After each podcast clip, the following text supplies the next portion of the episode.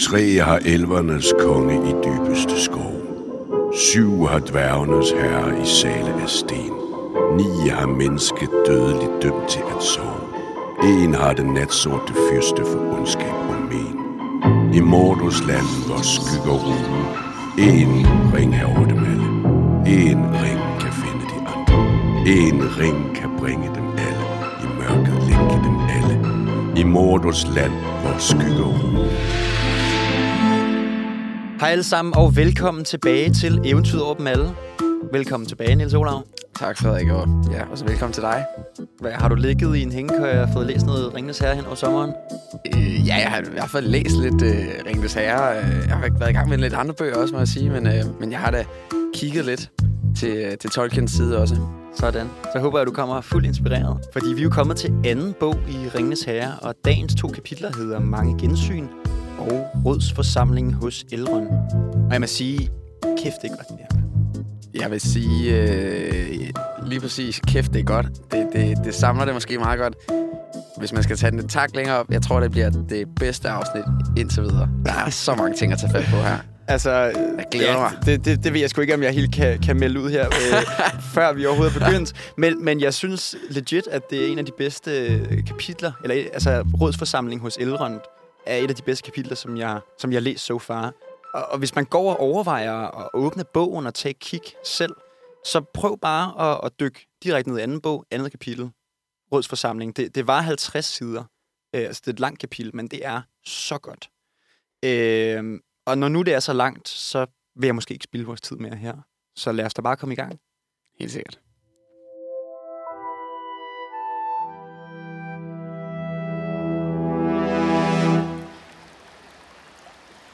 Frodo vågnede og konstaterede, at han lå i en seng. Først tænkte han, at han nok havde sovet længe, efter en lang, ubehagelig drøm, der stadig svævede rundt i udkanten af hans bevidsthed. Eller havde han måske været syg. Men loftet så så mærkeligt ud. Det var fladt, og det havde mørke, rigt udskående bjælker. Han blev liggende lidt og betragtede solpletterne på væggen, mens han lyttede til et vandfaldsbrusen. Hvor er jeg? Og hvad er klokken, sagde han højt til loftet. I Elrunds hus, og klokken er 10 om formiddagen, sagde en stemme. Det er formiddagen den 24. oktober, hvis du endelig vil vide det. Gandalf, råbte Frodo og rejste sig op. Og der sad den gamle troldmand i stolen ved det åbne vindue. Ja, sagde han, her er jeg, og du er så heldig også at være her. Efter alle de tåbelige ting, du har foretaget dig, siden du tog hjem fra. Frodo lagde sig ned igen. Han følte sig alt for vel tilpas og fredelig til at ville skændes. Og han mente, at han nok alligevel ikke ville blive den, der fik det sidste ord. Han var lysvågen nu og huskede hele sin rejse. Den katastrofale genvej igennem den gamle skov, uheldet i den stejlende pony, sin vanvittige opførelse, da han tog ringen på i dalen ved Vindhøj, mens han tænkte på alle disse ting og forgavet forsøgte i hukommelsen at nå frem til sin ankomst i Kløvedal, blev tavsheden kun brudt af Gandalf sagte bakken på pipen, mens han sad og blæste hvide røgringe ud gennem vinduet. Frodo vågner op, og han ser gode gamle Gandalf, og de har jo ikke set hinanden- i lang tid. Ja, man kan forestille sig, hvilken oplevelse det har været, når man har spejdet både i vågen og i drømmende tilstand efter den her figur, at han så endelig øh, står foran en. Det må være en, en stor oplevelse for Frodo, også lidt sådan, øh, hvad skal man sige, konfus. Han vågner et, et nyt sted. Øh, han er ikke helt sikker på, hvordan han har været der. Øh, han er kommet frem til stedet, og så er Gandalf der. Og, og jeg elsker det her med, at han, at han vågner op, og, og der har jo været en, en naturlig pause også i bogen. Øh, der er gået nogle dage, for man er vide her. Så vågner han op og tror bare, at det har været en drøm, det her. Men finder jo så meget hurtigt ud, når han, når han kigger op i loftet, og han ser de her smukke udskæringer, og hvad der ellers gemmer sig af, af karakteristisk, øh, hvad siger man, design hos de her elver, så, så er man ikke i tvivl omkring, at han i hvert fald ikke ligger hjemme i hans, i hans hul i herred. Nej. Øh, og kapitlet hedder jo mange gensyn, og, og man må sige, der, der er mange gensyn. Altså øh, både Gandalf, men selvfølgelig også Sam og, og resten af, af, af hobitterne, øh, som der har været øh, mega bekymret for Frodo selvfølgelig. Sam, han har ikke forladt hans, hans sygeseng, øh. Mm. fortæller Gandalf. Ja, og, og Gandalf ved faktisk utrolig meget om, hvad der er sket øh, i det, vi har beskæftiget os med i den første bog. Hvad Frodo og de tre andre hobitter har været udsat for, hvem de har mødt og, og så videre. Øh, og jeg stusser specielt over det her med dysehøjene. For Frodo, han, han bider også mærke i, men dysehøjene, han, og den oplevelse, han havde, da han var fanget øh, nede i dysehøjene der, har han ikke fortalt til nogen. Men alligevel så, så ved Gandalf det, og man får sådan en, en følelse af, at Gandalf er noget, noget større end, end menneskeligt, ikke? Som, som ved noget mere. Det er sådan, hvordan vil man sige det på engelsk? Sådan om, omniscient eller omnipræsent øh, øh, væsen, ikke? Så der er både noget naturligt, men der er stadig det her overnaturlige, og man har, hvad skal man sige, mystikken om Gandalf øh, bliver ligesom ved med at være der. Øh, han ved mere, end man lige skulle tro. Ja, og, og det er også noget af det, han er, han er kendt for. Øh, sådan lidt mere øh, i, den, i den større sammenhæng, kan man sige. Altså Gandalf, han er en, som der, der, der ved alt fra fra det, det laveste individ, der, der findes, altså bare hobitterne, ikke? At, at have knowledge omkring dem, og øh, kunne sidde sammen øh, med nogle af de helt store konger og, og, have, og have viden fra dem. Så han er en, en vidende mand øh, på den måde, og det, det vil også, hvis man kigger på strukturen i et middelaldersamfund, så er viden utrolig svært at få fat i. Ikke? Altså, når viden øh, sådan set har det her tidsmæssige aspekt i et brev, altså det tager måske tre uger for at vide, at nogen er død, øh, eller så videre, så, så det, at, at Gandalf han er en, en alvidende person, det gør, det, der er faktisk magt bagved det, ikke? Og så begynder Gandalf jo at fortælle, hvad han har oplevet, mens han har været væk. Og han nævner sådan lidt flygtigt, at han har været taget til fange. Og Men får ikke rigtig mere at vide det. Det er allerede en cliffhanger der, kan man sige. Og han fortæller om, hvordan Morgulfyrsten har, har, rører på, har rejst sig. Morgulfyrsten øh, rører på sig, siger han. Og så siger han noget lidt kryptisk. Han siger nemlig, at, øh, at hans tid nærmer sig. Øhm, og det stod jeg over, da jeg læste Vi har snakket om det et par gange, Frederik, inden vi, inden vi kommer her i dag. Hvem siger det? Hvem siger om sig selv, at min tid nærmer sig? Altså, jeg vil gerne være øh, den type, der sagde det, tror jeg. Jeg, tror, jeg vil føle mig meget mægtig. en partykiller. Ja, og det, det er så også rigtigt. Men, men, sig. men der er jo ikke nogen tvivl omkring, når man siger, at min tid nærmer sig, så er man i hvert fald ikke i tvivl omkring, hvad ens liv handler om, og hvad ens opgave på jorden er, for eksempel. Ikke? Øh, eller hvad, ja, hele, hele ens, ens liv er jo dedikeret i en retning, så, og den her retning er måske ved at være slut, eller ens opgave er ved at være færdig. Så det betyder, at ens liv ikke har nogen mening mere. Ja. Læser, sådan, sådan læser jeg det i hvert fald. Jeg ved ikke, om, om jeg er for, for melankolsk på den. Jo, men det, det, det, kan, da, det kan da godt være, at det, det det der med, når ens livsformål er opfyldt, så, så er der ikke nogen grund til at leve længere. Og så skulle den være opfyldt. Altså det eneste tidspunkt, jeg kan forestille mig, at et, et, et menneske i vores verden skulle sige det der om sig selv, det er, hvis man er meget syg. Mm. Og sådan ligesom, hvad skal man sige, sætter ord på, at der ikke er lang tid igen nu, ikke? Ja. Øh, men, men, men vi har jo ikke indtrykket af, at Gandalf, den mægtige, alvidende, nærmest alvidende troldmand, øh, skulle være syg på nogen måde. Så der er i hvert fald et eller andet, han ved, der skal ske et eller andet, øh, som, som, som jeg tror, du har ret en eller anden opgave, inden at hans tid er over. Ja, det, sådan tolker vi det i hvert fald mellem, mellem linjerne. Gandalf og Frodo sidder her og snakker, og, og Gandalf er egentlig i starten ret bestemt på, at Frodo skal, skal hvile sig, han skal, han skal sove. Øh, men Frodo vil gerne høre historier fra, fra verden omkring øh, Kløvedal, hvad er der sket, hvad har Gandalf oplevet. Og Gandalf, han, han siger så, at han da lige kan fortælle en enkelt historie, så øh, det vil Elrond nok ikke blive øh, utilfreds med. Så der, her får vi ligesom et indtryk af, at Elrond, altså herren i huset, øh, i Kløvedal, han, han er, har en, en højtstående plads, højere end Gandalf. Selvfølgelig er han verden, og Gandalf er gæst, men, men at Gandalf ikke bare sådan uden videre kan snakke med Frodo uden en eller anden form for accept fra, fra Elrond, viser, at vi, at vi har med en stor spiller at gøre, for at sige det, for at sige det mildt. Ikke? En, en stor personlighed, som, som står på lige fod eller højere end Gandalf i mange henseender. Ja, han bliver lidt talt op nu her. Ja, ikke? men hvad er han for en størrelse, ham her, Fyrst Elrond?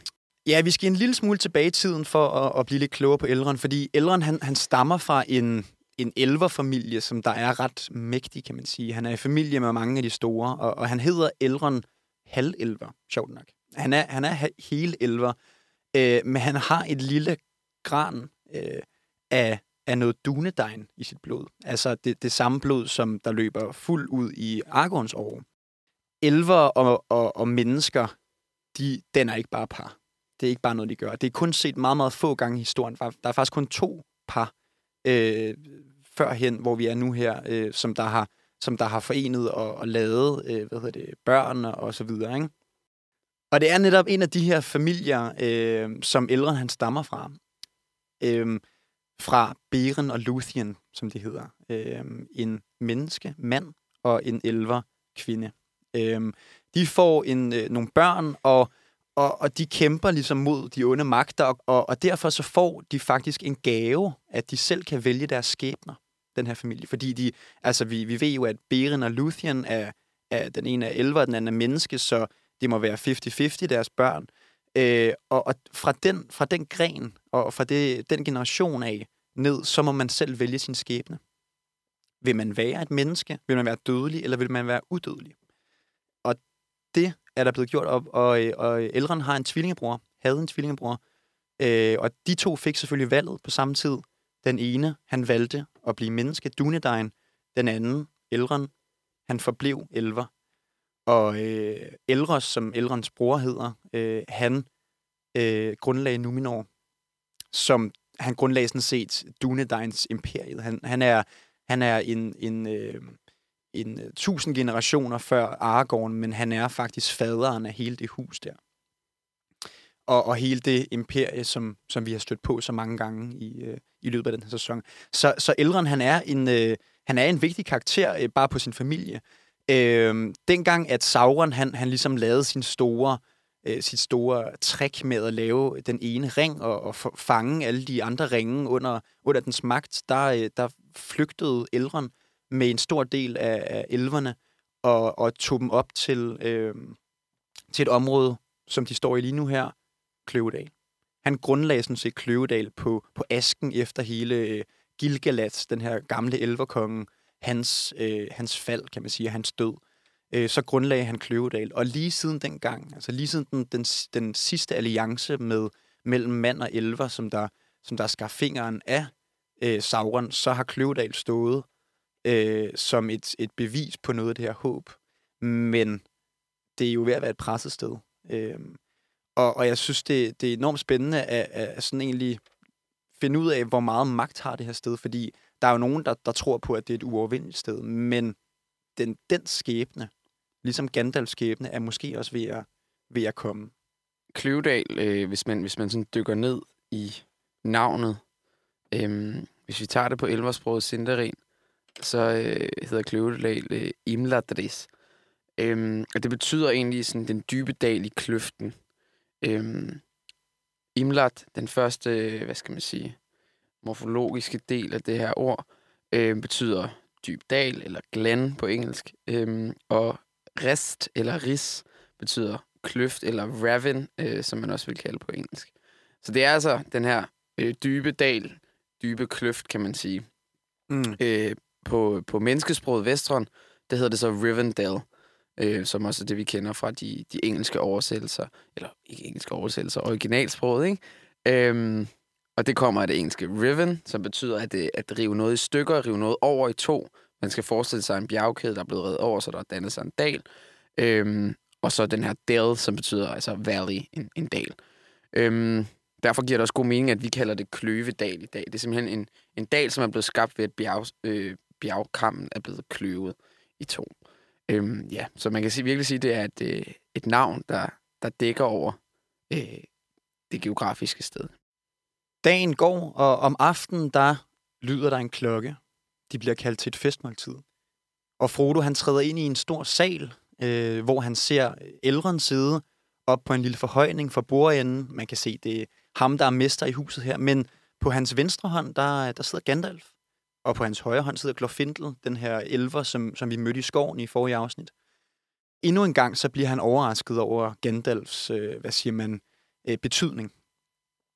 Meget hurtigt, der han, han scanner ligesom den her, den her forsamling, og så ser han en, øh, en helt særlig kvinde, der sidder der, en elverkvinde, der hedder Arven, og det lyder sådan her. Hun var ung, og dog ikke. Hendes mørke flætninger var endnu ikke rørt af frosten. Hendes hvide arme og rene ansigt var lydefri og glatte. Lyset fra stjernerne skinnede i hendes klare øjne. der var grå som en nat uden skyer. Og dog så hun ud som en dronning. Tænksomhed og viden lyste i hendes blik, som hos dem, der kender til, hvad livet kan bringe. Altså, det er simpelthen en fuldstændig fantastisk beskrivelse, synes jeg. Hun må bare være smuk, hende her. Det her med, at hendes hud er glat og uden lyde, for eksempel, ikke? Det er lige, det er lige før, at, at øh, det var et super like på min Tinder-profil i hvert fald, det her. Hvis der var en, der havde den her beskrivelse af sig selv. Lydefri står der i min. Hvad betyder det? Eller Ly- bare- ja, lydefri står der. Ja. Det er jo nok uden folder i hvert fald. Hendes hud glat og uden lyde. Og der står lydefri hos dig. Mm-hmm. Jeg synes, den første sætning, hun var ung og dog ikke ung, den beskriver ligesom, altså så, så, så uddyber resten af beskrivelsen sådan set, sådan set bare den, den definition, ikke? Altså, hendes mørke flætninger var endnu ikke rørt af frosten. Det vil sige, de var ikke grå. De var ikke grå. Hendes hud glat og uden lyde. Lyset fra stjernerne skinnede i hendes klare øjne. Der var grå som en nat uden skyer. Og så har hun sådan en tænksomhed øhm, og viden, som der lyser i hendes blik. Kun som den, som der ved, hvad livet kan bringe. Så det er en meget, meget smuk beskrivelse. Og, øh, og Frodo, han, han føler sig også meget draget af hende.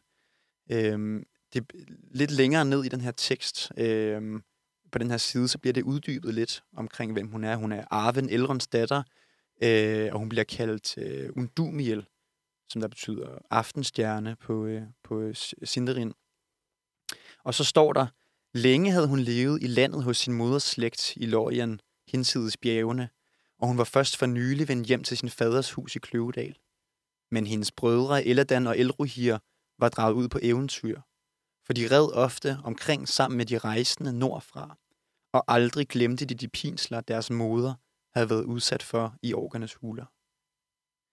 Jeg synes også, altså det er simpelthen så godt skrevet det her, fordi der står ikke mere om det. Nej, nej, den, den, den, bliver bare... Øh... De her pinsler, der. de her pinsler, aldrig glemt det. Man kan næsten forestille sig de her to hævngærige Mm. unge elvermænd, der bare rejser rundt med de her rejsende og bare, og bare øh, skal ligesom bare smadre, kan man sige. Altså, det er hævn. Det er hævn, det her det handler om. Ikke? Ja. Frodo han bliver sat ned ved siden af en dværg, der hedder Gløgn, og, og hører store nyheder fra verden igennem Gløgns mund. Og vi kender jo godt lidt Gløgn, ikke? Jo, det, det gør vi. øh, Hvis, hvis man øh, har læst Hobbiten, så vil man vide, at øh, Gløgn var en af de, øh, de dværge, der drog med, med, øh, øh, med Thorin, Thorin, alt efter om man siger det på dansk eller engelsk, øh, Thorin Oakenshield til øh, det ensomme bjerg, sammen med Bilbo Sækker, sammen med Gandalf. Så han er altså en, øh, en berejst mand, der har oplevet lidt af hvert og, og vundet sit rige tilbage, eller, eller sammen med sit folk vundet, vundet det ensomme bjerg tilbage, besejret Dravensmark og så videre. Men han er altså at finde her i Kløvedal øh, med en masse nyheder, øh, fortæller Frodo en masse om, om hvordan dværgene øh, klarer det i det ensomme bjerg, hvordan øh, deres samfund øh, på sin vis blomstrer, men han har også nogle, nogle lidt, øh, hvad skal man sige, rynker i panden. Han er kommet til Elrond for at, øh, at bede om råd, men, øh, men hvad det her råd det handler om, det, det, det siger han egentlig ikke. Det eneste, øh, vi sådan får at vide, det er, at det har noget at gøre med Barlin, øh, som også er en af de her dværge fra, fra Hobbiten, øh, som han har brug for et, et råd omkring fra, fra Lord Elrond. Ja. Der, de åbner op for nogle cliffhanger, synes jeg, Det må man sige. i løbet af det, af det første kapitel af anden bog. Frodo og Gløgn, de sidder altså her og, og har den her øh, relativt lange samtale. Øhm, og de, øh, de kommer også til at snakke om, om Bilbo og Bilbos oplevelser øh, med den her, øh, med de her dværge øh, tilbage øh, for mange år siden. Øh, og Gløgn kan godt mærke, at Frodo og Bilbo virkelig har et nært forhold, og, og Frodo holder meget af den her, af den her kære hobbit. Og, øh, og det udvikler sig øh, fra, at de sidder og spiser til, de skal rykke ind i, i et nyt rum, ind i det, der hedder ildsalen, som er sådan en, en sal, der i princippet ikke er særlig oplyst, men det gælder for den her sal, at der altid er ild i kaminen. Og det er også sådan lidt symbolsk, ikke? at der, der er et sted i Kløvedal, lige meget, øh, hvor man altså kan man altid gå mod ildsalen og finde lys. Og det er også i den her sal, at der bliver øh, fortalt øh, historier. Det er i den her sal, der bliver fortalt sange, ikke mindst. Ja, fordi Frodo han går ind i den her sal, og så ser han en lille mørk skikkelse sidde øh, ved et bord og er faldet en lille smule i søvn. Øh, så er der en, der siger, vågn op, lille mester. Og den, der vågner op, det er selvfølgelig Bilbo. Han har siddet og været faldet lidt i søvn hen over en, en tekst, han var i gang med at skrive, en lille sang, han var i gang med at skrive. Og, øh, og gensynsglæden er jo kæmpe stor. Altså, det er jo fantastisk dejligt for de her, som der har jo et, et meget, meget nært, næsten far-søn forhold at se hinanden igen. Jeg er forfærdelig glad for at se dig sund og rask. Han holdt inde og betragtede Frodo tvivlende. Har du den her? viskede han. Jeg kan ikke lade være med at være lidt nysgerrig, forstår du, efter alt det, jeg, jeg nu har fået at vide. Jeg vil så gerne lige kaste et blik på den en gang igen. Jo, jeg har den, svarede Frodo. Men han følte en mærkelig modvilje. Den ser ud, som den altid har gjort. Åh, oh, jeg vil så gerne se den. Bare et øjeblik, sagde Bilbo. Da Frodo klædte sig på, havde han opdaget, at mens han så, var ringen blev hængt om halsen på ham i en ny kæde, der var let, men stærk. Han trak den langsomt frem. Bilbo strakte hånden ud, men Frodo trak hurtigt ringen tilbage. Han følte med uro og forbløffelse, at det ikke længere var Bilbo, han sad overfor. En skygge havde lagt sig imellem dem, og gennem den kunne han se et lille rynket væsen med et grisk ansigt og græmsende hænder. Han havde lyst til at slå ham. Musikken og sangen omkring dem syntes at svinde hen. Og det blev stille. Bilbo kastede et hastigt blik på Frodos ansigt og lod hånden glide hen over sine øjne. Nu forstår jeg det, sagde han. Tag den bort. Jeg er ked af, at du skal have denne byrde at bære på. Og denne historie der ingen slutning? Jeg synes, det er et rigtig fedt citat. Øh, og man, man, man fornemmer lidt Bilbos skæbne på en eller anden måde. Ikke? Altså, man fornemmer lidt den her gamle mand, der har levet... Øh, hvad hedder det, det her eventyrfulde liv, og, og han fortæller også, at han har rejst videre, efter han rejste væk fra herret, sidste gang vi stiftede bekendtskab med ham, øh, i starten, øh, efter hans fødselsdag, så havde han også lige været hen og vende ved et ensomt bjerg og så videre, men han kan ikke finde hvile. Altså, han, han er skadet for altid. Mm. Han, Ja. Den, den har, den har øh, forplantet sig i ham på en måde. Han spørger os meget ind til den. Mm. Øh, altså, før det her, så, så har han ligesom også øh, lidt indirekte, hele tiden lidt indirekte, øh, kommet ind på ringen. Øh, og Gandalf siger, den er gået videre, Bilbo. Nu er det ikke din mere. Øh, og det er svært at forstå, tror jeg. Værre er det heller ikke, end at Bilbo og Frodo trækker lidt afsides og, og snakker ligesom gamle dage. Og Bilbo han siger, åh kære Frodo, der, der er ingen som en hobbit, som man kan have en, en samtale med omkring sit hjem og så videre. Han har virkelig savnet ham, kan man mærke, og måske generelt hans, øh, hans øh, landsmænd. Ikke?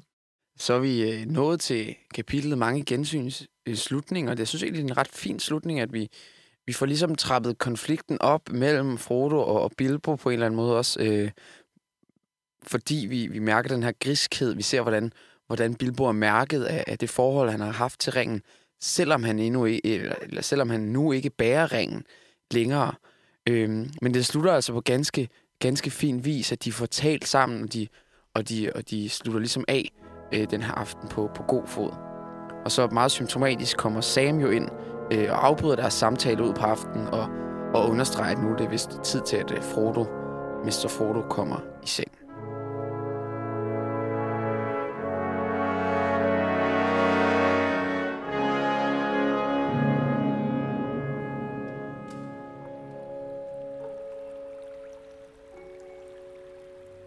Mens de talte, hørte de pludselig en enkelt klar klokke. Der har vi signalet til Elrons rådsforsamling, udbrød Gandalf. Kom nu, både du og Bilbo skal være med. Frodo og Bilbo fulgte hurtigt efter troldmanden hen ad den slyngede sti tilbage til huset. Bag dem og glemt lige i øjeblikket traskede Sam. Gandalf førte dem hen til den veranda, hvor Frodo havde fundet sine venner aftenen før. Nu glødede den klare efterårsmorgen lys i dalen. Lyden af det klukkende vand steg op fra den skummende flod. Fuglene sang, og der hvilede en sund fred over landskabet. Den farlige flugt og rygterne om det mørke, der tog til i verden udenfor, forekommer allerede Frodo kun at være minder om en ubehagelig drøm. Men de ansigter, der vendte sig imod dem, da de trådte ind, var præget af alvor. Så Hobbiten, Frodo, træder ind i et lokale, hvor der vender sig de her alvorlige ansigter mod ham. Men det er ikke bare øh, ganske almindelige ansigter. Det er heller ikke velkendte ansigter alle sammen. Det er nogle af de vigtigste og største personligheder på den gode side, kan man sige. Repræsenteret af både mennesker, dværge og elver, som vender deres opmærksomhed mod den her lille ubetydelige skabning, Frodo, der har Bilbo ved sin side også. Og det er altså ikke bare et helt almindeligt møde, det her. Øh, det er et meget, meget vigtigt møde, hvor, hvor alle de her raser, kan man sige, øh, fra den gode side er samlet. Og, og Elrond, han, han tager ordet, det er ham, der har verden. øh, og han, han ligger ligesom linjen. I dag skal der fortælles historier. Alle skal opdateres. Alle skal have det samme udgangspunkt. Informativt, kan man sige.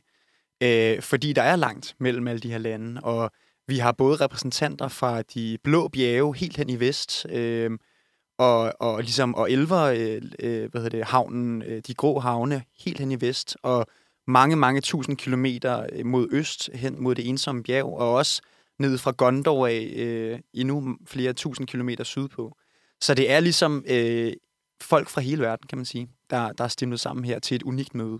Og det er Gløgn, øh, Frodos øh, sidemarker fra, fra festen i går, som der starter ud med at tage ordet og komme med nyheder fra øst, fra det ensomme bjerg og Dal og Eskardoth og, og nogle af de lande, som vi har lært fra Hobbiten at kende.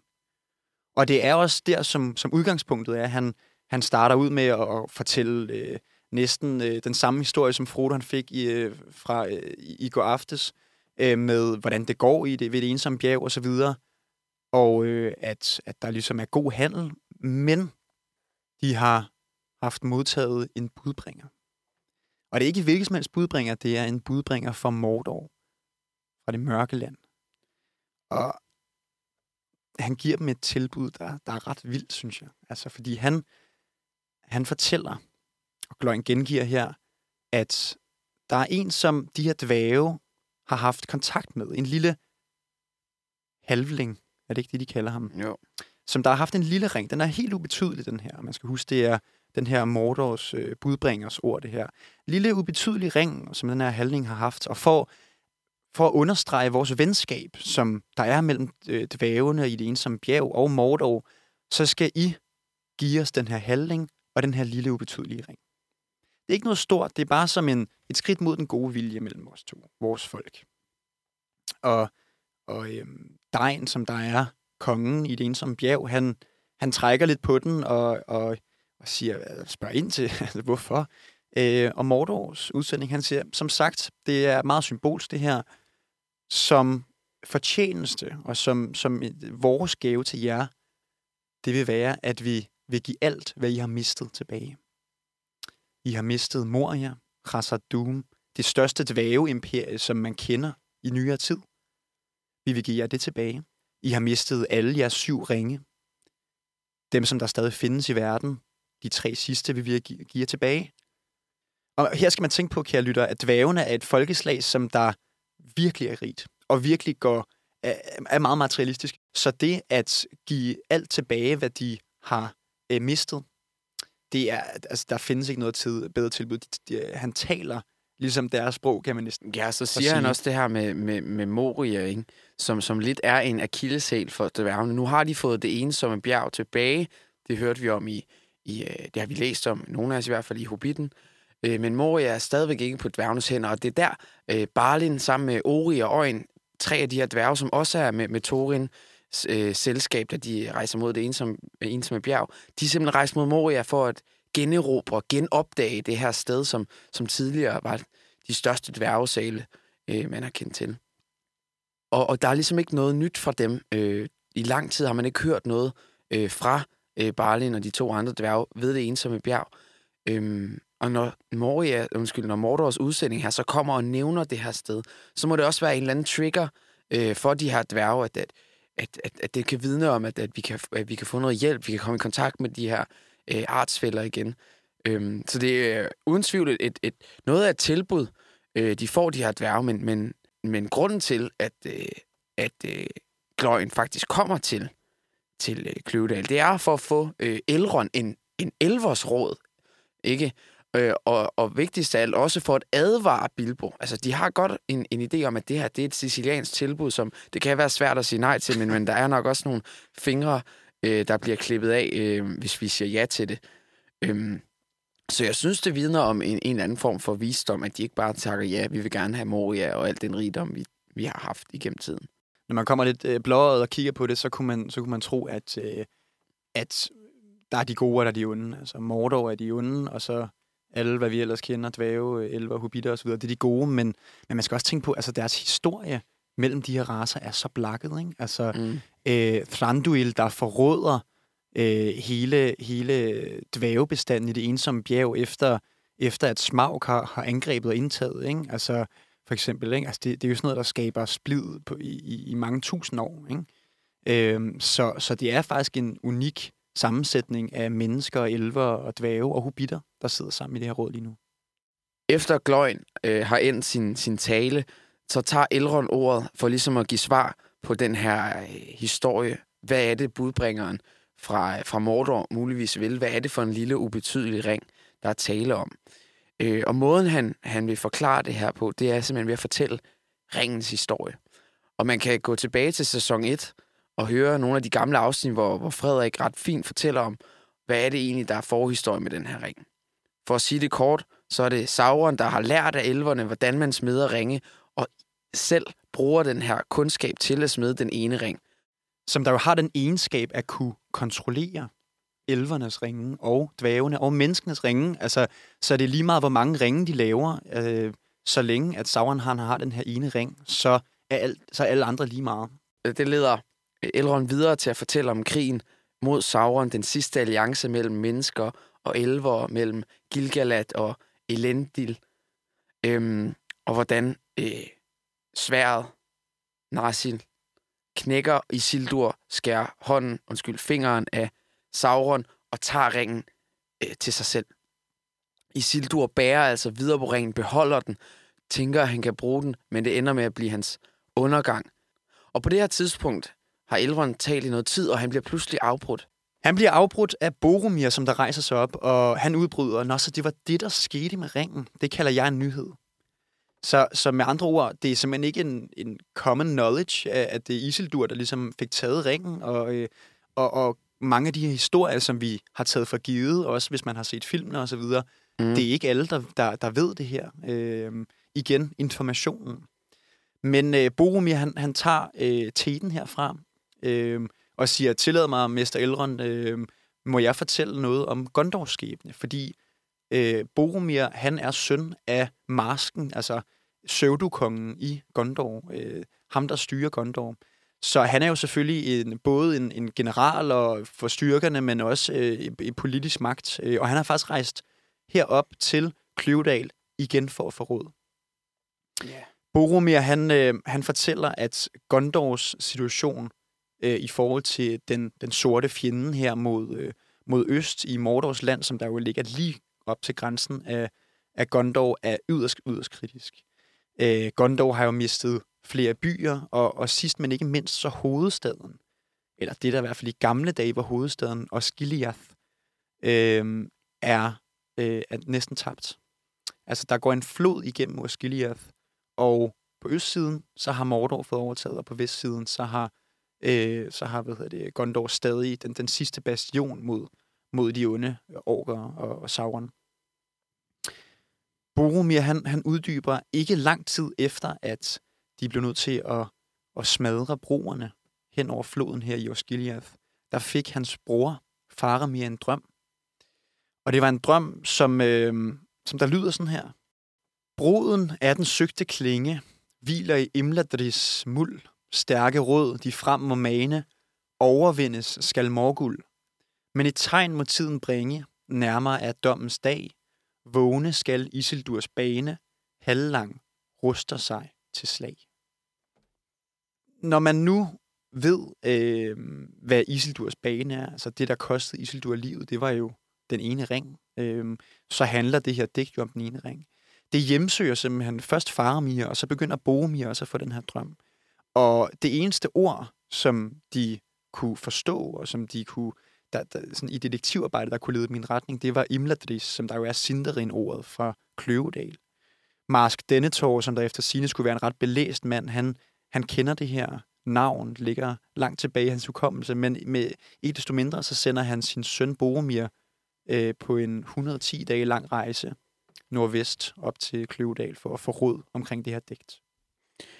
Ja, og det, det er både for at få, for at få råd om digtet, men, men også for at få nogle forbundsfælder øh, i kampen mod, øh, mod øh, den mørke fyrste i øst. Man skal forestille sig, at, at Ar, øh, undskyld, ikke Argon, men at Gondor er øh, ligesom fronten. Det er her, øh, hvor, hvor der virkelig er kamp, øh, hvor, hvor øh, Gløjens historie er om en, et sendebud, der kommer til det ensomme bjerg. Så er det her en, en historie fra fronten, hvor man har set fjenden i øjnene, hvor man har sprængt broer i luften for at holde fjenden stangen. Så det er en presset mand. Det er en mand, der føler, at han virkelig gør noget for at bekæmpe ondskaben, der kommer til, til Kløvedal her. Og så med den her drøm oveni, så søger han altså et råd øh, og hjælp, ikke mindst. Ja, jeg synes, det er virkelig fint, at, at du dvæler ved, øh, at det er fronten, det her. Altså, fordi Gondor er øh, en, en supermagt, som der ligger lige over for Mordor, ikke? Øh, så, så det, at de simpelthen har holdt Mordor tilbage her, øh, er jo selvfølgelig i Gondors øjne øh, selvsagt. Altså, at det er dem, der er en stødpude, så at Kløvedal, øh, at de kan sidde i Kløvedal trygt nu her og holde det her møde. Og også dvævende og, og andre folkeslag, herrede for den sags skyld, som Boromir øh, formentlig ikke har hørt om, at, at, at de sover trygt om natten. Det er Gondors skyld pludselig så rejser Aragorn sig op. Han, han bliver tydeligvis meget provokeret af det her, synes jeg.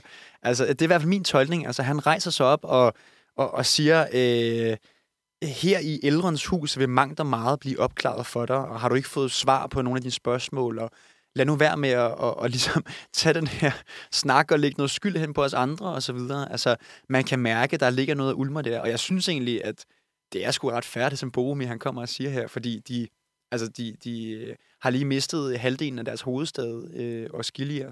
Øh, jeg synes, det er lidt specielt med Argon her. Han, det, vi, vi har stiftet bekendtskab med ham som en, som en stærk karakter, som en, der redder dagen, en, en, en brændslukker. Ikke? Og her er der noget arrogance i ham, et eller andet magtspil, hvor han ligesom øh, få gjort det klart, hvem han er. Tidligere har det været andre, der forklaret ham, han er, han er Dunedain, og han er, han er øh, den sidste øh, i Sildurs øh, arving og så videre. Og her er det ham selv, der skal ud, hvem han er og hvor han kommer fra. Og Frodo siger med det samme, så skal du da have ringen. Det er jo, det er jo, altså, det er jo din families stykke. I Sildur havde den, nu skal du have den. Øhm, så det er sådan en måde, hvor Argon ligesom viser over for Boromir, at jeg er faktisk en retmæssig konge. Og her der udfordrer Aragorn også øh, Boromir, som du siger. Han spørger, skal Isildurs hus vende tilbage til, til Gondor?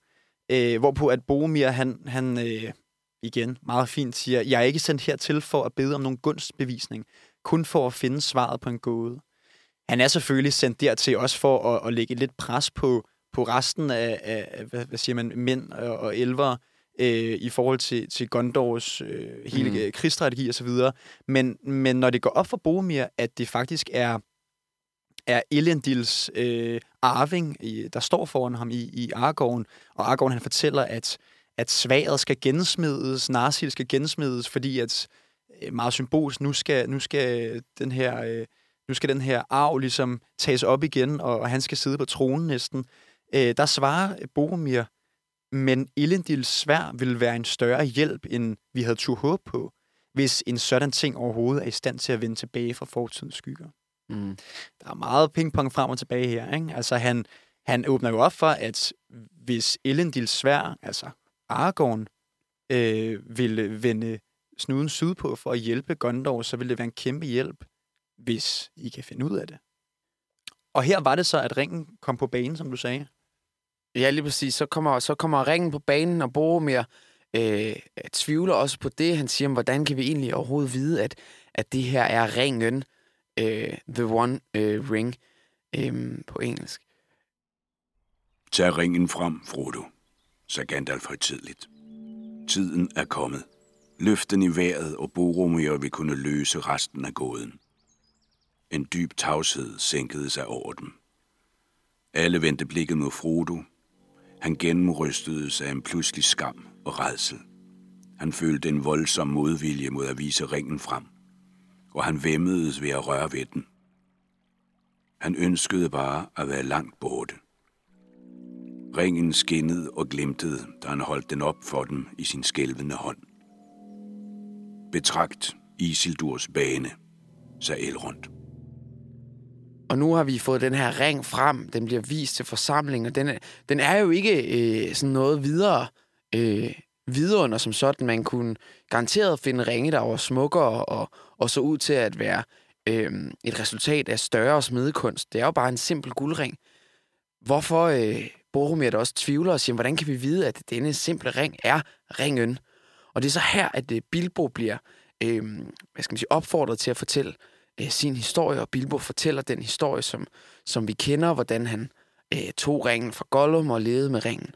Ja, og så er der dog alligevel noget her, fordi han siger, jeg skal gøre, som du befaler, men denne gang vil jeg fortælle den sande historie. Og hvis der skulle være nogen her, der har hørt mig fortælle den på en anden måde, så beder jeg dem om at glemme det og tilgive mig. Mens han skæver til Gløjen, som der jo var en del af det her selskab, øh, som Bilbo var sammen med, dengang han fandt ringen. Og, og her så kommer der noget af det, som jeg elsker allermest ved Ringenes Herre.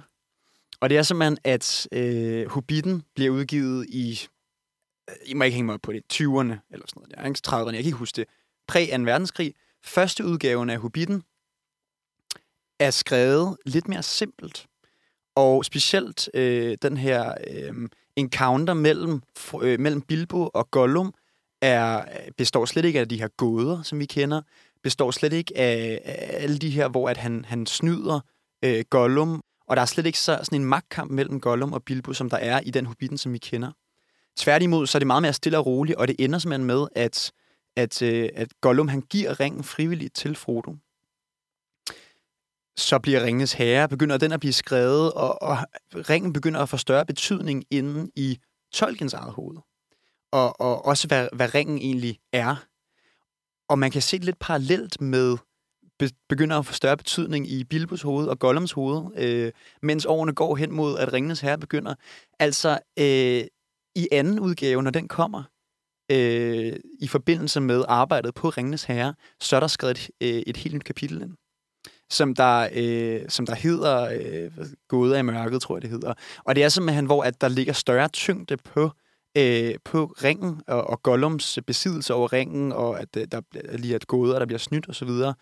Øh, vi ved jo, at, at Bilbo han skriver alle sine oplevelser ned i noget, der hedder Den Røde Bog i, af Vestmark.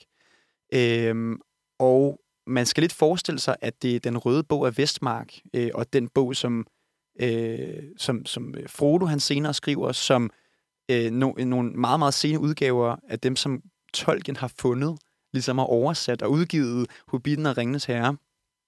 Så, så der ligger sådan et, et metalag på, på, øh, på de to fortællinger, øh, den som, som der bliver skrevet inde i historien, den røde bog af Vestmark. Derfor så er det Bilbos løgn, der er med i første udgave af Hobbiten. Hmm. Og det er Bilbos løgn, som dvævene kender. At han har bare fået den. At han har fået den, ja. ja. Øh, det var en gave. Og vi kender jo hele altså formuleringen, det var en gave. Det var en fødselsdagsgave. Mm. Det er der flere, der har sagt, ikke? Det er der flere, der har sagt. Og Isildur, han sagde jo også, at det der er en gave for det er en mandebodsgave, yeah. ikke? Altså det er, fordi min far blev dræbt, så skal jeg have en mandebodsgave. Det var mm. noget, man havde i gamle dage, ikke? Altså, øhm, der fik han en gave der kender Gollum selvfølgelig, hans fødselsdagsgave og så videre. Ikke? Øhm, så med andre ord, så, så er der, øh, der, der, der er en metahistorie, der bare ligger sindssygt dybt her. Man skal selvfølgelig også, når jeg beskriver det her, altså det er lettere kompliceret, øh, men, men man skal holde, holde, ligesom holde fast i, at Tolkien, han jo lavede hele, den her, hele det her værk øh, som en arkeologisk udgravning. Det var det, han ligesom han sagde, det var. Det var også derfor, at øh, alle de her sprog blev opdaget stille og roligt, at man ikke ved så meget om dvævesproget, for eksempel. Der var ikke så mange tavler med det, som han havde udgravet osv. Ikke? Ja. Og det er det samme med de forskellige udgaver af historien. Der er også, øh, altså hvis man læser første udgave af Ringens Herre, så er der også mange af de her små ting, som, hvor man skal tænke på, okay, hvem har egentlig fortalt den her historie ind i bogen, og hvem vidste hvad på, på hvilket tidspunkt, øh, mm. og så videre. Og det, det er det samme, som vi støder på her. Og det er en lille metahilsen til til hele rammefortællingen, som, som der er den røde bog af Vestmark. Så Bilbo fortæller altså, hvordan han har fået ringen, og det kommer til sin slutning, hvor han giver ringen videre til Frodo. Og derfra bliver Frodo så opfordret øh, af forsamlingen til at fortælle, hvad der så er hent derefter. Rejsen fra herret, øh, gennem øh, den gamle skov, Tom Bombadil, Bri, Amonsul, og så til sidst øh, over vadestedet til, til Kløvedal. Og det er så her, her vi står nu, at, øh, at de er rejst så langt. Øhm, vi har hørt så meget om ringen, vi har hørt så meget rundt omkring i verden, og nu nærmer vi os ligesom spørgsmålet, hvad gør vi så med den her ring til det her møde? Og der er flere, der begynder at sige, hvad siger de vise? Der er en elver, der hedder Galdor, som kommer fra havnene i vest, altså Gråhavne. Øhm, og han, han spørger om, hvad siger Saruman? Saruman, som skulle være en af de her vise. Og, øh, og for at besvare det spørgsmål, så tager Gandalf ordet.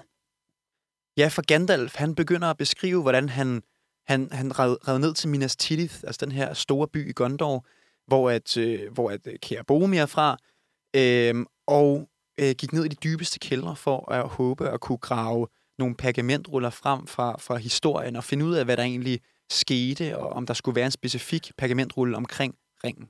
Og det skal vi forestille os, det her, det sker i, øh, i de måneder, hvor Gandalf er væk fra herret. Vi læste i første bog, hvordan Frodo går spejder efter ham. Det er simpelthen, fordi Gandalf øh, først og fremmest øh, befinder sig i, øh, i Minas Tiriths dybeste kældre, hvor han, hvor han prøver at studere øh, noget om ringen her. Den store ring skal nu gå i arv ved det nordlige kongerige. Men beretningerne skal opbevares i Gondor, hvor også Elendils arving bor. I fald der skulle komme en tid, hvor mindet om disse store hændelser synker ned i glemsel. Og efter disse ord beskrev Isildur ringen, som han fandt den. Den var varm, da jeg lagde min hånd på den. Varm som en glød, og min hånd blev sveden, så jeg måske aldrig mere blev fri for smerten i den. Men mens jeg beskriver dette, bliver den stadig koldere. Det er som om den skrumper ind, skønt den hverken mister sin skønhed eller sin form. Det, der stod skrevet i den, og som først var klart som den røde ild, er nu næppe til at læse. Det er formet i Regions elverskrift. Til de er ikke bogstaver i Mordor, der kan benyttes til så fint et arbejde. Men sproget er ukendt for mig. Jeg forestiller mig, at det er et sprog fra det sorte land, til det er grimt og primitivt. Hvad ondt det meddeler, ved jeg ikke. Men her brænder jeg en afskrift af det, for at det ikke helt skal forsvinde. Kan hende ringen savner varmen for savnens hånd, der var sort, men brændte som ild. Og således blev Gilgala dræbt, og blev guldet varmt igen, der kan hente skriften, er der vil dukke frem. Men selv våger jeg ikke at beskadige denne genstand. Det eneste smukke Sauron nogensinde har skabt. Den er mig dyrbar. De har købt den med stor smerte.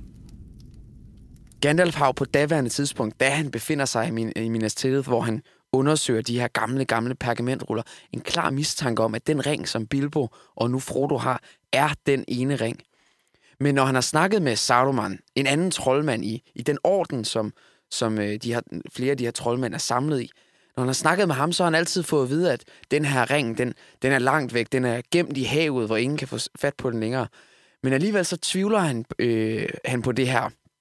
Så da Gandalf en dag øh, er øh, på vej mellem herret og, og Gondor, der møder han øh, kort uden for herrets grænser en anden troldmand, som fortæller ham, at han er ønsket hos Saruman, den, den hvide, der gerne vil tale med ham. Og det er jo godt for Gandalf, fordi han er jo i tvivl om, om det her. Han mener, han har fundet ud af noget nyt om den her ene ring, øh, som måske kunne gøre hele den her orden, de vise klogere. Så Gandalf, han skynder sig at ride mod sydøst, øh, i retning mod øh, et rige, der hedder øh, Rohan, hestefyrstenes land, fordi ved vestindgangen til det her land, der ligger Isengard. I skal forestille jer, når Gandalf rider ind, så er det i sådan en gryde. Jeg ved ikke, om, nogen, om nogen af jer nogensinde har været i, i, i, i Prag for eksempel, eller i, øh, i Jerevan i Armenien også. Der er nogle byer, der ligger nede i sådan en gryde, omringet af, af bjerg- eller bakkekamme. Øh, og det er lidt det samme, vi skal forestille os med Isengard. Det er en meget grøn, frodig dal, som er omringet af bjergkæder. Og Gandalf rider ind igennem stedet her, øh, den ene port, der er, ind i dalen, og midt i dalen står der det her høje, høje tårn. Øh, Ortank hedder det, som er øh, cirka 450 fod, 150 meter højt, øh, lavet af solid øh, granit på en måde, som ikke kan ødelægges. I skal forestille jer øh, et, et mørkt tårn, som, som nærmest er, er metal, men det er sten, men du kan ikke bare bryde det ned. Øh, og det er også meget svært at komme ind i det her tårn.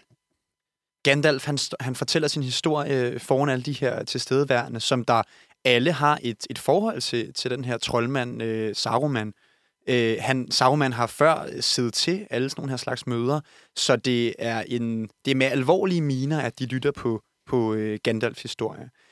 For når han først møder den her troldmand, Saruman den hvide, den øverste i Gandalfs egen i Stari-orden, den her troldmandsorden, så er det ikke den, den hjælpende Saruman, som, som man plejede. Øh, han har altid været, haft en spids tunge, men han har trods alt været på deres side og har tit deltaget i de slags møder, som de selv sidder i lige nu her.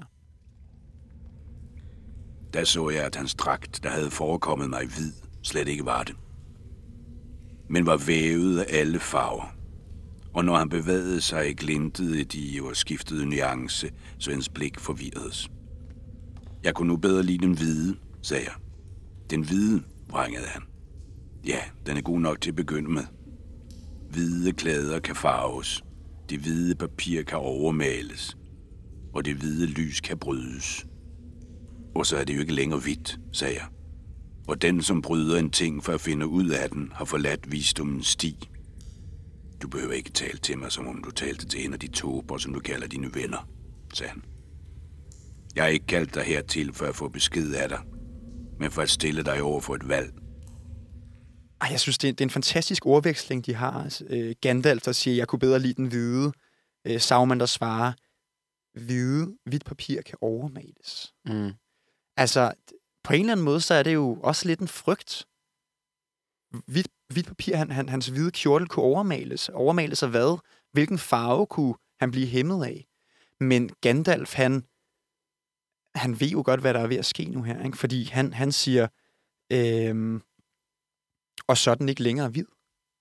Altså det betyder simpelthen, at, at den hvide, som der jo er, godhedens farve, mm. uskyldens farve, øhm, vil ikke være den samme, hvis den er blevet overmalet. Og det, det er sådan noget navlepilleri, det her, ikke? Men, men der ligger bare så meget bagved. Fordi Saruman jo simpelthen har fået dragesyge, kan man sige. Den Ja. her grå, grådigheden er kommet op i ham, og i hans studier vil jeg næsten øh, tænke mig frem til, af, af ondskaben, af Sauron, af den ene ring, så er han selv blevet korrumperet til at ville have den ene ring. Mm. Ja, fordi han, han, han, han er kendt som en, der er meget øh, vidende inden for ringkundskab. Han ved meget om ringene, og han har også været det her orakel, der indtil videre har påstået, at ringen altså var væk. Men alligevel har han nok øh, vidst lidt mere end det.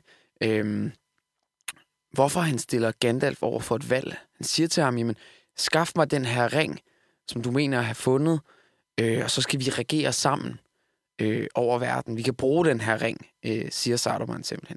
Og her er det vigtigt at, at det bide mærke i, at Saruman ikke arbejder sammen med Sauron. Det er ikke som om, han er en Saurons udsending, som vi hørte fra Gløjens historie. Nej, han er, han er en, øh, en, øh, en magtliderlig person, som selv vil have ringen, og selv benytte sig af ringen. Øhm, altså, han stiller over, øh, Gandalf over for det her ultimatum. Han har sagt, enten så hjælp, enten er du med mig, eller så er du imod mig. Og Gandalf, som, som den held, han jo er, i hvert fald indtil videre, er selvfølgelig imod ham, går ikke med ham. Og som reaktion på det, bliver han sendt op i toppen af tårnet øh, og holdt øh, fanget der. Herfra, der er øh, meget belejligt, så øh, kommer en stor ørn forbi. Ja, Gwaihir, præcis. som, som der er en del af, af som der er ørneherren, kan man sige. Og, og, og han redder ham. Og, og ørnene er jo sådan en lidt en, både mytisk, men også lidt en, nogle forvirrende karakterer, fordi der, der er jo hele det der saying, altså hvorfor tog ikke bare en ørn til dommedagsbjerget og smed ringen i? Men vi får faktisk svar på det her, fordi øh, Gandalf han spørger, hvor langt kan du bære mig? Spørger han altså Gwaihir, ham her Mm. ørneherren, og han svarer, mange mil endnu, men ikke til verdens ende. Jeg er sendt ud for at bringe nyheder, ikke byrder. Det siger lidt om deres, deres virken i verden, synes mm. jeg. Altså, Ja, og, og, når han bringer Gandalf, så bringer han jo også nyhederne, ikke? Gandalf er jo nyheden om, at Saruman, der tidligere var lederen af den her orden, i Starjordenen, er, er gået over til den mørke side. Ikke Saurons side, men, men den onde side. Øh, og har skabt sig en, en her allerede af orker og, og trolde, omdannet det her grønne mekka nærmest, som det var i, i, øh, i Isengard til, til altså, orkegrupper og fældet en masse træer og sådan noget. Det er jo en nyhed, som Gandalf bringer her. Det er ikke sådan, som sådan en byrde langt fra. Og, og det er selvfølgelig forfærdeligt at få at vide for alle dem, der sidder her, fordi de mister her en, en meget, meget vigtig allieret. Øh, og, og også det her med pludselig at finde ud af, at en af de største, altså den, den, den øh, i hvert fald strukturelt mægtigste øh, troldmand, øh, har, har vendt den ryggen, kan man sige, og er blevet ond. Øh, så de begynder at afsøge alle muligheder. Øh, hvad skal vi gøre med den her ring? Der er nogen, der siger, øh, smid den på havets bund, hvor til at der bliver svaret, altså man kan ikke bare udskyde det problem, men det kan være, at landmasserne ændrer sig, at et, et hav tør ud, og så ligger, der, så ligger ringen her. Den skal nok blive fundet i sidste ende. Vi bliver nødt til at gøre noget ved den. Der er nogen, der siger, giv den til Tom Bombadil. Øh, det er sådan en lang diskussion, de har omkring Tom Bombadil. Øh, men, ja, men man, vi har jo i princippet også haft den før, ikke? Altså, ja, det har vi, og, og de koger den lidt ned til, hvad vi også har sagt. Ja. Altså, fordi de siger, at han har ikke magt over ringen, men ringen har bare ikke magt over ham.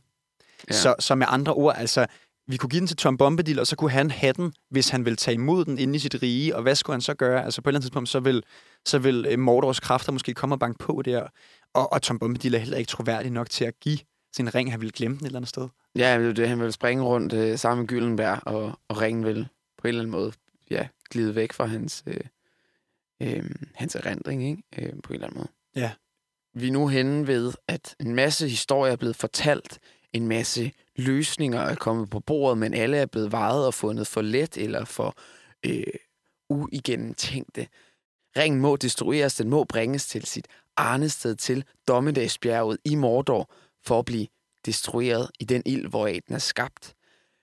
Men hvem skal bringe den? Det er så spørgsmålet. Øhm, og der lægges op til, at der er en, der skal tage den. Og Elrond siger noget ret fint, der måske øh, hindrer, hvem der skal afsted. Han siger nemlig, Vejen kan betrædes, men det vil blive meget strengt, og hverken styrke eller visdom vil føres langt hen ad den. Dette forsøg vil kunne udføres med samme håb af den svage som af den stærke. Men således er det ofte med de gerninger, der får verdens hjul til at dreje rundt. Det er små hænder, der udfører dem, fordi de er nødt til det, mens de stores øjne ser andre steder hen. At vi skal ligesom se ud over den her tankegang om, at det er de stærke, det er de magtfulde, der skal gøre det her. Det er de små hænder, det, det, er de, det er de ubetydelige, det er masserne på en eller anden måde. Dem, der oftest bliver glemt, hvor politikerne, som det jo er i princippet, der sidder til mødet her, kigger andre steder hen. Og små hænder, men hvem har det? Det har blandt andet Bilbo, og Bilbo tager også ordet herefter og tilbyder sågar den gamle mand at tage ringen ud på et sidste eventyr mod bjerget, mod Dommedagsbjerget i Mordor. Men ret hurtigt, så, øh, så får han at vide, at det, det er ikke nogen god idé, og de synes, han skal blive tilbage og, og skrive sin bog færdig. Øh, og det vælger han så også at lytte til og sætter sig ned igen. Og så er der stille igen og Frodo han kan mærke skæbnen ånden ham i nakken. Og så lyder det sådan her. Ingen svarede. Middagsklokken ringede, men der var stadig ingen, der sagde noget. Frodo stirrede på alle ansigterne, men de vendte sig ikke mod ham. Alle rådforsamlingens deltagere sad med nedslagende blikke, som om de var hensunket i dybe tanker. Han blev grebet af en voldsom redsel, som om han ventede på afsigelsen af en dom, han længe havde forudset, og som han forgæves havde håbet ikke ville blive afsagt. En overvældende længsel efter at hvile ud og blive ved Bilbos side i Kløvedal fyldte hans hjerte. Til sidst talte han med besvær, som om en andens vilje brugte hans lille, tynde stemme. Jeg skal nok tage ringen, sagde han, selvom jeg ikke kender vejen det, den bliver jo lidt lagt op til ham, synes jeg. Ikke? Altså den her stillhed, det her citat med de små hænder, øhm, de kan bare ikke pålægge ham, ham den her, det, det er ham selv, der skal tage den, og det, det siger, øh, det siger Elrond også, han siger, det er en tung byrde, så tung, at ingen har ret til at lægge den på nogen anden. Det siger han efter, at, at Frodo har sagt det her. Efter han har taget den på sig, den her byrde. Øh, og det er simpelthen, fordi det handler ikke, det er ikke en fysisk byrde, det er sgu en mental. Det er simpelthen viljen til at blive ved, og viljen til at vil give den fra sig. Det er jo også det. Mm. Så det skal være sådan en, det skal være et rent valg. Det må ikke være besudlet af, at der er nogen, der er pålagt på det her på en. Men Frodo åbner jo lidt op for en invitation. Han siger, selvom jeg ikke kender vejen.